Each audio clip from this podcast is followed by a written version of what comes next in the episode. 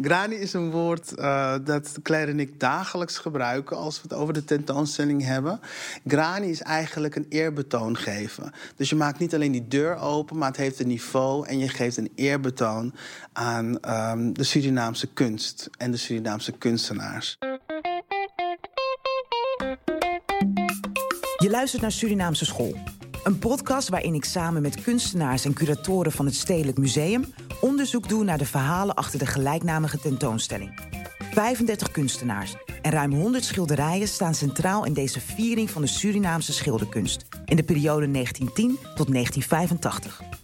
Mijn naam is Shai Kreuger en in deze eerste aflevering neem ik een kijkje achter de schermen. Ik spreek met vier van de zes mensen die deze tentoonstelling hebben samengesteld. En met de dochter van een van de kunstenaars. Kortom, een kunstgeschiedenisles die je nooit hebt gehad. We beginnen bij het begin. Claire van Els is curator bij het Stedelijk Museum en legt uit wat het startpunt van de tentoonstelling was. Het initiatief lag bij Ellen de Vries. Zij is een onafhankelijk onderzoeker en publicist. En um, zij heeft uh, destijds een, een, voorstel gedaan om een tentoonstelling te maken over Nola Hatterman en leerlingen die zij heeft opgeleid. En dat voorstel vormde eigenlijk het startpunt om uh, veel breder te kijken naar de ontwikkelingen in de Surinaamse kunst. Uh, Nola Hatterman is, is één, één van de Surinaamse kunstenaars die wij laten zien. Uh, maar eigenlijk al vanaf begin 20e eeuw zijn er hele interessante uh, dingen gebeurd in de beeldende kunst in Suriname. En dus heel snel hebben we eigenlijk besloten om uh, door middel van een werkgroep van gastcuratoren ja, die kennis te verbreden en verdiepen. Ook omdat die in gebreken was in het museum zelf en ook bij mijzelf. Bart Krieger is kunsthistoricus en deel van het team van gastcuratoren die onderzochten wie Surinaamse kunst op de kaart heeft gezet. Ik mag wel vertellen dat ik, dat ik die, die titel heb gegeven of bedacht heb. Uh, en dat heb ik gedaan omdat um, ik heel graag die Surinaamse kunst op een voetstuk wilde zetten. Echt, um, ja, dat heeft een, um, een bepaald niveau, een bepaalde cachet is het eigenlijk. Net als Amsterdamse school, school van Barbizon, Haagse school. Um, dan kan je met één containerbegrip even aangeven waar je het over wilt hebben. He, je hebt de Javanen, je hebt de Chinezen, je hebt de inheemse, je hebt de Creolen, je hebt de Marons. De Libanezen moeten we niet vergeten. Het gaat over um, wat de Surinaamse gemeenschap bindt. Het gaat niet over stijl, het gaat over um, thematiek. Waarom is het belangrijk dat deze tentoonstelling er is? Um, ik denk om te laten zien dat er, als het gaat over gedeelde geschiedenis, ook op het gebied van beeldende kunst heel veel interessants is gebeurd. Uh, om ook te laten zien dat heel veel Surinaamse kunstenaars hier waren. Eigenlijk al heel lang. Eigenlijk al vanaf de jaren twintig komen er Surinaamse kunstenaars hier wonen, werken, uh, studeren. Sommigen blijven hier, sommige keren terug, sommigen blijven pendelen heen en weer. Dus er is eigenlijk altijd een enorme aanwezigheid geweest van Surinaamse kunstenaars, zeker ook in Amsterdam. Ook in andere steden in Nederland. Dus het is eigenlijk meer een kwestie om dat naar voren te halen. Uh, dat is denk ik heel, heel belangrijk om op dit moment te laten zien. Juist ook vanuit een instituut als het Stedelijk. Nu we iets meer weten over de start van de tentoonstelling... is de volgende stap de kunst. Het gaat tenslotte om de kunstenaars. Laten we om te beginnen eens dieper ingaan op één schilderij. Jara en Bo zijn twee meiden die werken voor het Stedelijk Museum als blikopeners... Een afdeling die bestaat uit jongeren tussen de 15 en 19 jaar. Samen gingen zij de straat op met een van de schilderijen uit de tentoonstelling... gemaakt door kunstenaar Armand Baag. Oké, okay, ja, ik zie een beetje een soort van uh, Romeinsachtig uh, tafereel of zo. Iets met uh, goden en zo, dat, daar denk ik aan. Een groep mensen bij een vlot aan het water met een zonsondergang. Kijk, er zijn een soort van maskers in een wolk die soort van uit een boom groeien, denk ik. En brengt dit kunstwerk uh, emotie of gevoel in u op? Uh, ja, angst, hè. Dus uh, dat, dat zag ik wel, ja. Okay. Het ziet er wel een beetje duister uit. Misschien voorouders of zo. Het ziet er een beetje spiritueel uit. En mensen die een beetje boos, bang zijn of zo. Dus er lijkt ook iets aan te komen. Het, een beetje goed en kwaad. Dat, dat idee krijg ik erbij. Ja, het is natuurlijk heel duidelijk herkenbaar uh, werk van mijn vader. Uh, heel fantasierijk vind ik het. Surina Baag is de dochter van Armand Baag. Hij maakte het schilderij Rasta Morning dat net werd beschreven. Ook Surina is kunstenaar en vertelt over haar vader. Hij maakte uh, naakte, maar ook politieke werken. Hij schilderde heel veel, ja, veel zwarte mensen eigenlijk. Um, ook veel portretten gemaakt van familie, vrienden. Ook wel hele fantasierijke schilderijen. Heel kleurrijk, heel, um, ja, heel, heel divers eigenlijk wel. Ik herinner mijn vader vooral als een, een hele warme man, een hele rustige man die gewoon heel, ja, de half, half Amsterdam kende. Achter ons huis uh, was een, een gracht, de Laudiergracht. En daar was een, uh, een brug en daar zat hij heel vaak op met zijn gitaar te spelen. En dan zaten een aantal mensen altijd uh, met hem te chillen. En als ik dan uh, mijn vader ging opzoeken, dan keek ik altijd een paar plekken. Of op die brug zat hij vaak, of op het atelier. En ja, hij, hij was ontzettend getalenteerd. Hij maakte natuurlijk schilderijen, maar hij uh, maakte ook muziek. Hij schreef gedichten. Ja, van alles. Hij heeft volgens mij zelfs een keer een uh, toneelstuk geschreven. Dus uh, ja, een ontzettend veelzijdige man. Er hangen veertien uh, werken van, van je vader in de tentoonstelling Surinaamse School. En hij heeft daarnaast nog ruim 100 werken in een opslag staan. Hij heeft ontzettend veel gemaakt. En op een gegeven moment moesten jullie die box gaan openen. Hoe ging dat? Die box, ja, daar is ooit uh, werk, toen mijn vader overleed, uh, heel veel van zijn, zijn spullen ingegaan. Maar ook nog spullen van Nola Hatterman, waar mijn vader de erfgenaam van uh, was. Die zijn allemaal in die box verdwenen. En um, ja, op een gegeven moment um, was het eigenlijk mijn man die um, dacht van ja, wat zit er allemaal in die box? En zullen we eens gaan kijken? En toen kwam er natuurlijk een heleboel tevoorschijn. Schetsen, muziekinstrumenten, boeken, schilderijen van haar vader, maar ook van andere kunstenaars doken op in de box. Van Armand Baag zelf lagen er tientallen werken. Wat opvalt is dat hij prachtig werk maakte, maar dat destijds niet kwijt kon. Het was voor hem lastig om een plek te veroveren in de Amsterdamse kunstscene. Mijn vader die schilderde veel zwarte mensen, veel Surinaamse mensen. Omdat hij, nou ja, hij, hij hield van het land waar hij vandaan kwam. Hij um, wilde graag um, ja, de Surinamers op een positieve manier afbeelden, zeg maar, op zijn, in zijn werk. Ja, in die tijd uh, werden Surinamers natuurlijk uh, heel negatief, kwamen ze in, het, in, de, media. En mijn vader die wilde juist hun op een positieve manier um, neerzetten. Ik heb wel een keer een artikel gelezen waar mijn vader een interview deed en uitlegde.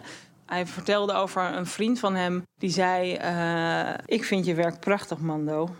Maar ik kan me niet voorstellen dat een van je doeken bij mij aan de wand hangt. Ze hebben niets te maken met mijn leven. Je werk bekritiseert mij constant en ik wil juist rust in mijn huis. Nou, dat is dus uh, wat, er, uh, wat die man uh, zei. Uh, ja, Baag was een Creoolse zwarte kunstenaar. En ook zijn onderwerpen, zijn topics, zijn uh, Afro-Surinaams voor het merendeel.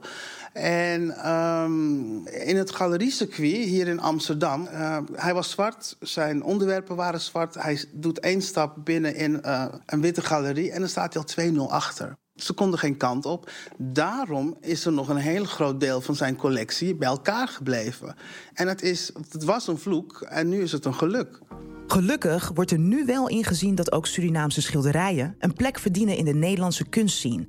In de tentoonstelling Surinaamse School zien we dan ook schilderijen van verschillende kunstenaars. Armand Baag, Jules Nafung. Uh, uh, je hebt GGT Rustwijk. Eigenlijk begint het daar een beetje mee. Um, dus we zijn heel objectgericht gaan kijken bij verzamelaars. Wat is er en waar kunnen wij um, zoveel mogelijk verhalen over vertellen... en het ook rondmaken voor een Nederlands, Surinaams en internationaal publiek. Kun je mij iets zeggen over de plek in de kunstgeschiedenis... als we kijken naar uh, kunst gemaakt door Surinaamse kunstenaars? Ik, ja, ik denk als je door de, door de zalen heen loopt, dat je eigenlijk wel resonaties hebt met verschillende kunststromingen. Uh, en dat begint al bij de vroegste, dat is, dat is eigenlijk Van Gogh. Er waren heel veel Surinamers in die tijd, waren toch uh, onder de indruk daarvan. zelfs Wimbos Verschuur heeft zijn atelier Atelier van Gogh genoemd. dus dat impressionisme, expressionisme van dat landschap vind je ook terug in zijn, zijn werk en in uh, wat hij doorgaf aan zijn, zijn leerlingen. Uh, maar ja, zo ook Cobra, daar ontkom je ook niet aan. Als je, als je um, bij de modernisten kijkt. Um, Erwin de Vries was tekenleraar bijvoorbeeld. En wat ik het mooiste vind aan zijn werk... is dat in dat werk na dus zijn MO tekenen... en zijn um, opleiding beeldhouwkunst aan de Rijksacademie van Amsterdam... dat hij dat combineert en dat zijn schilderijen eigenlijk heel sculpt sculpturaal worden. Ja, dat vind ik iets fantastisch.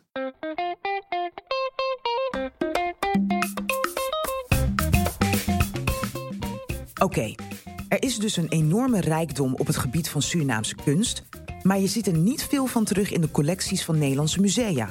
Waarom is dat zo? Ik vroeg het aan Carlien Lammers, medewerker inclusie bij het Stedelijk en een van de gastcuratoren van de tentoonstelling. En ik moet ook zeggen dat er echt nog heel veel werk is wat nog moet gebeuren. Uh, we hebben nu een collectie met 90.000 werken. En daarvan is het waar. Er, zijn, uh, er is niet heel veel diversiteit in die collectie. Dus er zijn veel mannelijke dode kunstenaars verzameld in de loop der jaren. Um, maar daarom is het juist zo belangrijk om nu met extra aandacht en met extra intensiteit uh, te kijken naar werken die we nog niet hebben verzameld. En dat kan dan zoveel van vrouwelijke kunstenaars zijn, maar ook makers van kleur, kunstenaars uit Suriname. Uh, er zijn heel veel eigenlijk kruispunten die we nog zouden moeten onderzoeken en zouden moeten verzamelen. Het is zo dat we met Nola Hatterman hebben bijvoorbeeld wel verzameld. Daar hebben we twaalf werken van in de, in de collectie. Um, en aan de hand van Nola Hatterman zijn we deze tentoonstelling gestart. Um, maar hebben we eigenlijk al heel snel geconstateerd dat het veel mooier zou zijn als we veel breder gaan kijken naar welke kunstenaars we nog meer kunnen representeren in deze tentoonstelling. Uh, dus uh, dat is, vind ik, een heel interessant gegeven. Ik bedoel, hoe kun je met een collectie die nog niet divers is, veel diverser werk tonen en hopelijk ook in de toekomst ervoor zorgen dat onze collectie diverser wordt. Um, dus het is eigenlijk een aanzet uh, voor de toekomst, deze tentoonstelling. De vraag was dus: hoe kun je met een niet diverse eigen collectie toch een divers verhaal vertellen in de tentoonstelling? Bij Surinaamse school bleek het lenen van kunstwerken de oplossing. Het meeste werk werd geleend van particulieren, zoals bijvoorbeeld van Surina Baag. Bart en Claire zijn zelfs naar Suriname gereisd om onderzoek te doen en om verzamelaars op te zoeken. Ja, dat was top. Um, ik stelde me er al wel wat van voor. Ik had natuurlijk al vier jaar uh, goed, um, was ik, uh, goed in, in, uh, in de Surinaamse kunst gedoken. ik schreef voor Parbode, maandelijks een artikel over een kunstwerk. Um, dus ik, ik, was op de hoogte van wat er was, hè, wie de, wie de hoofdspelers waren, et cetera. Uh, maar ik ben werkelijk overspoeld door alle kunst die we hebben, hebben gezien. En uh, dat is uh, allemaal te danken aan familie van de kunstenaars en verzamelaars. Die ook op een gegeven moment vrienden worden van de kunstenaars. Um, ja, wat een schat hebben we daar gevonden. Heel, grote formaten ook, vooral natuurlijk in Suriname. Hè. Dat is trouwens ook iets wat heel logisch is. Wat je hier vindt in Nederland bij de verzamelaars... past bijna allemaal in een koffer eigenlijk, als je, als je het kort door de bocht formuleert. En in Suriname heb je gewoon nog hele grote doeken... waarvan je denkt, uh, nou ja, goed... Er zijn doeken die wij voor de tentoonstelling wilden hebben, maar die pasten niet in het vliegtuig. Daar zijn ook restricties uh, van, dus ja. En uh, wat is jullie uh, grootste ontdekking geweest? Oeh, ik denk verzameling van bijvoorbeeld Lucia Belhout met allerlei teltings in Paramaribo. Ik denk, ik was toch ook wel heel erg verrast, ook al is het wel bekend, de Surinaamse Bank heeft een fantastische collectie. Die hebben echt stelselmatig uh, die, die Surinaamse kunst verzameld. Ik zou dus kunnen zeggen dat het een soort schatzoeker was. Absoluut. Het was absoluut, denk een droom als kunsthistoricus om op die manier van zo dichtbij met kunstwerken in aanraking te komen en uh, zoveel mensen te ontmoeten die met zoveel liefde en energie met die kunst bezig zijn geweest. Uh, dat vond ik heel bijzonder. hoe zijn jullie uiteindelijk tot uh, ja, een eindresultaat gekomen? Wat vond je belangrijk daarin? Um, om scherp te krijgen welke thema's en genres wij denken die ten grondslag liggen aan de schilderkunst, om dat in beeld te brengen. En daar met lef op ook te selecteren. Uh, en dan proberen een representatief beeld te krijgen. Als het gaat over type kunstenaars, over uh, culturele groepen uh, in Suriname om daar een mooie dwarsdoorsnede van te maken. En dat is voor een deel gelukt en voor een deel ook heel erg lastig. Om te zorgen voor een tentoonstelling vanuit verschillende perspectieven, selecteerde Claire de kunstwerken voor de tentoonstelling dus niet alleen. maar met vijf gastcuratoren waarvan je Bart en Carlien al hebt gehoord. Ook Jessica de Abreu was deel van het team. Zij is antropoloog en medeoprichter van de Black Archives, een van de eerste historische archieven die zich richt op zwarte cultuur. Wat ik belangrijk vond en de reden ook waarom ik ben toegevoegd aan deze team is omdat ik uh, altijd werk aan genderbalans. In dit geval gaat het om de vrouwensperspectief, de zwarte vrouwenperspectief. Dus ik vond het heel erg belangrijk dat zwarte vrouwelijke kunstenaars ook een plek kregen. En de reden waarom ik erbij ben gehaald in dat team is omdat uh, het is mede geïnitieerd door een onderzoek van Nola Hatterman. En Nola Hatterman was een, een wit Nederlandse kunstenares die behoorlijk veel heeft samengewerkt met zwarte mannelijke kunstenaars. En die reflecties zie je daarvan in de expositie. Als je kijkt bijvoorbeeld naar de geschiedenis, zie je bijvoorbeeld binnen antiracismebewegingen in dit geval altijd een bondgenootschap tussen zwarte mannen en witte vrouwen. Dus we moeten daar heel oplettend zijn dat een gevaarlijke component daarvan is dat zwarte vrouwen worden overzien. Um, in dit geval heb ik gewerkt aan de Zusters Curiel. En dan mag ik toch wel heel erg blij zijn. En ook misschien het geluk van die tijdlijn dat zij de eerste zijn die je mag zien in de expositie. En zij waren een van de belangrijkste fotografen aan het begin van de 20e eeuw in Suriname. En het was natuurlijk wel een discussie in de groep: is fotografie kunst? En in mijn geval was het wel, want als je kijkt naar de foto's die zij hebben gemaakt. Je moet oog hebben voor compositie en een visie hebben over wat je wilt neerzetten aan de wereld en wat je wilt vertellen. En dat hebben ze helder gedaan. En wat ze hebben neergezegd is prachtig. En ik ben blij dat de rest van de wereld, de rest van de Nederlandse samenleving, dit allemaal mag zien. Dat het een prachtige collectie is geworden, staat buiten kijf. Maar toch, bij sommige mensen knaagt het. Is het niet een beetje te laat dat deze tentoonstelling er nu pas is? Ja, water under the bridge, zeg ik dan. En er zullen ook nog stemmen opgaan van ja, maar niet iedereen zit erin. En dan denk ik, ja, maar daar was ook geen plek voor. Ik maak me minder zorgen over of het te laat is of niet. Waar ik me meer zorgen over maak, is dat je veel instituties ziet die werken met het thema zwartheid, uh, zwart verzet, geschiedenis van slavernij en af en toe een beetje kolonialisme. Uh, wat mij zorgen baart is dat het een thema is, dat het een trend is. Maar het moet eigenlijk een inherent deel zijn van Nederlandse samenleving, Nederlandse cultuur. Het is een inherent deel al van de Nederlandse geschiedenis en daarom ook van onze toekomst. Dus het moet niet blijven bij een trend, maar we moeten vaker expositie maken. Ja, over zwart zijn, maar dat we ook meer zijn dan zwart zijn. Dat er ook wordt gekeken naar onze intellectuele talenten en artistieke talenten. En wat ik heel belangrijk vind en waarom we ook een online reader hebben met een verhaal van hoe we ons onderzoek hebben gedaan, met de methodiek die we hebben gevolgd. En een bibliografie, dus dat je alle publicaties bij elkaar hebt die gewoon van belang zijn voor verder onderzoek, dat je die bij elkaar hebt en laat andere generaties daar verder mee gaan. Het is gewoon zo belangrijk dat dat uh, uh, blijft en dat we dat vereeuwigen. En dat wordt met deze tentoonstelling toch gedaan. We zetten hier echt een heel groot uh, statement neer. De ondertitel van de podcast is De kunstgeschiedenisles die je nooit hebt gehad. Wat hebben de makers zelf eigenlijk geleerd tijdens het ontwikkelen van deze tentoonstelling? Ja, heel veel. Ik weet niet waar ik moet beginnen. Uh, het gaat ook over techniek. Het gaat over uh, hoe, mensen, uh, hoe kunstenaars het inlijsten. Bijvoorbeeld is dat um, alle tropische hardhoutsoorten in Suriname... die worden gebruikt in die lijsten. Dus dat, weet je, dat zijn van die hele mooie dingen... Uh, daar kan je ook een heel verhaal over vertellen, over het hout. Dus er is genoeg te vertellen en, en, en genoeg te ontdekken. En uh, ja. Ja, ik heb eigenlijk geleerd hoe vroeg die beeldende kunst al van invloed was in, in Paramaribo. Uh, je ziet eigenlijk dat een aantal grote kunstenaars al van enorme stimulans zijn geweest. Dus ik weet veel beter nu wie de pioniers in de Surinaamse kunstgeschiedenis zijn. Dat is voor mij echt een verrijking. Er zijn thema's waar ik weinig over wist. Denk aan spiritualiteit in de kunst. Wat ik het meest heb geleerd tijdens het maken van deze tentoonstelling is de manier hoe je een tentoonstelling kan maken buiten eigenlijk de gebaande paden. Dus welke andere manieren er ook zijn om een andere tentoonstelling te maken met, nou ja, eigenlijk diezelfde werken die je in de collectie hebt. Wat, uh, wat gaat de bezoeker leren van deze tentoonstelling, denk je? Ja, het is gewoon dat wij er zijn. En uh, het is geen debat meer, het is geen dialoog meer. Het is gewoon een realiteit. Zwart zijn in Nederland bestaat. Nou ja, sowieso gaan ze enorm veel leren over hoeveel waanzinnig mooie en toffe kunstenaars er zijn. Over de verscheidenheid van de Surinaamse schilderkunst. Ja, het gaat echt van landschappen tot hele abstracte werken, um, vibrerende kleuren. Uh, daar ben ik het meest van onder de indruk. Hoe, hoezeer die kleuren binnenkomen ook en van het doek spatten.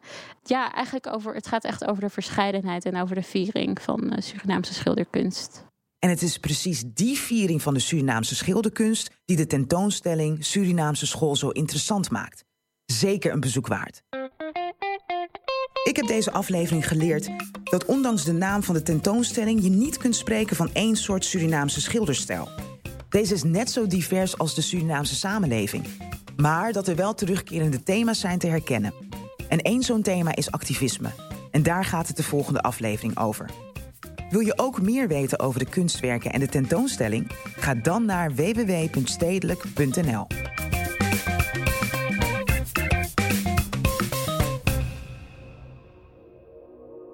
Hoi, zou je meer willen horen over kunst? Wij wel. Iedere maand bespreken we met een paar blikopeners een actueel onderwerp, zoals het Anderhalve Meter Museum of activisme. En we interviewen een kunstenaar of ander persoon uit de kunstwereld. We delen onze kijk op kunst en inside information. Luister dus iedere maand naar Kunstperspectief, een blikopener podcast.